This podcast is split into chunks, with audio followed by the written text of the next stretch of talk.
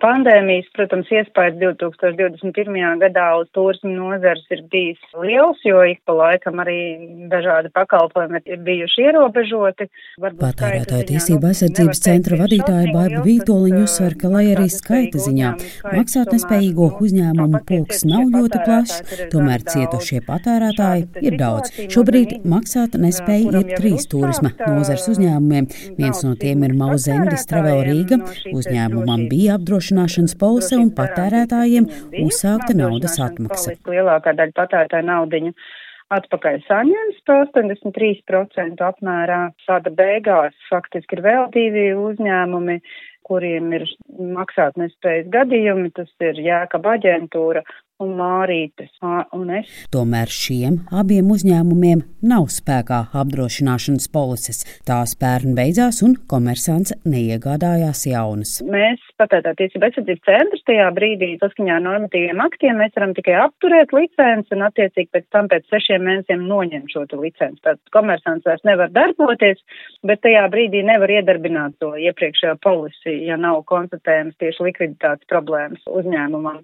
Nu, līdz ar to šobrīd ir pagājis no tā brīža jau gads, un uzņēmumam šīs polises nav, ko varētu izmantot. Līdz ar to atliek tikai maksātnespējas process. Un tas Mums nozīmē, ka klientiem par nenotikušajiem ceļojumiem naudu atpakaļ jācenšas atgūt vēršoties pie šo uzņēmumu maksātnespējas administratoriem. Faktiski tur nav nekādas garantijas, viņi stājas tajā parastajā rindā pie maksātnespējas administratora, kur nu, daudzi citi prasījumi ir pirms patērētāja prasījumiem. Mums ir līdzīgi līdzīgas uzņēmumi kā šie divi ir vēl vairāki, kuriem jā, ir apturētas šīs licences. Pēc mūsu rīcībā esošās informācijas tās aptuvenās summas, kas varētu būt eh, nenodrošinātas patērētājiem, ir kāds eh, pusmiljons eiro. Tā kā diezgan liela tā kopējā summa varētu būt. Pērn licence apturēta 20 uzņēmumiem.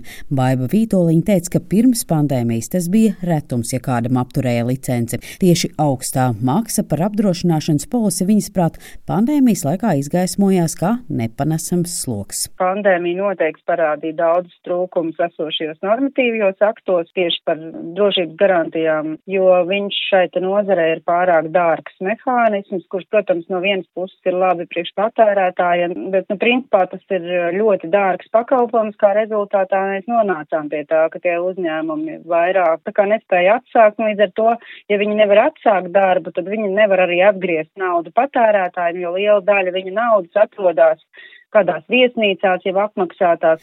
Baiba Vītoliņa prognozē, ka šogad būs sagaidāmi vēl kādu turisma nozares uzņēmumu bankroti. Savukārt ekonomikas ministrijas valsts sekretāra vietnieks tautsēmniecības jautājumos Raimons Aleksejenko skaidrojot esošo kārtību uzsver, ka garantijas ir Eiropas Savienības līmeņa pieeja, kas izveidota vēl pirms pandēmijas, lai vienlīdzīgi aizsargātu patērētājs visās bloka valstīs. Covidā mēs vienkārši ar to sastapāmies ļoti aktīvi, jo pirmo reizi visai nozarei. Vienlaicīgi bija šāda problēma, kad uzņēmums sāka nespēt izpildīt savas saistības.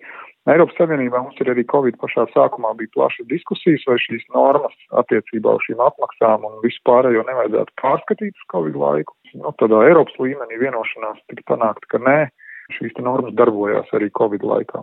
Latvijas turisma aģentu un operātoru asociācijas prezidente, turisma aģentūras Vanilla travel vadītāja Inga Kavaca akcentē, ka patiesā haina, cik stipri pandēmija būs ietekmējusi turisma nozari, būs apjaušama šī gada otrajā pusē. Jo mums ir jāņem vērā, ka ļoti daudz, kas vēl nav atsācis darbību, uzņemošās kompānijas, kurām ir jāuzņem turisti Latvijā, Viņas jau tā arī nav vēl šobrīd atsākušas darbību nu, ceļošanas ierobežojumu dēļ reāli. 2020. gadā, kad uh, bija pandēmijas sākums, nu, bija dažādi, bet uh, tomēr tas atbalsts, kas tika piešķirts vasarā un uh, rudens mēnešos, tas bija atbalsts. Bet varam uzskatīt, ka 21. gadā nozarei atbalsta nebija. Tāpat liels zaudējums ir darba spēks, kas dīkstāvs laikā aizplūst uz citām nozarēm. Kā Vace teica, ka nozares uzņēmumi strādā ar ļoti mazu jaudu. 10% no 2019. gada apjoma. Kapacitāte ir sarukusi ļoti. Tā ātruma ir tāda, ka jums strādāt nav aizliegts, tāpēc jums atbalsts nav nepieciešams. Aizliegts nav, bet uh, faktiski atļauts arī nav. Kāvace akcentē, ka pandēmijas laiks parādījis dažādus robus normatīvajos aktos, tostarp attiecībā uz to, kāda ir aģenta un operatora atbildība attiecībā pret saistībām ar klientu. Ir gadījumi, kad aģents paņem naudu un neaizskaita tālāk operātoru un uh, iesniedz maksātnespēju.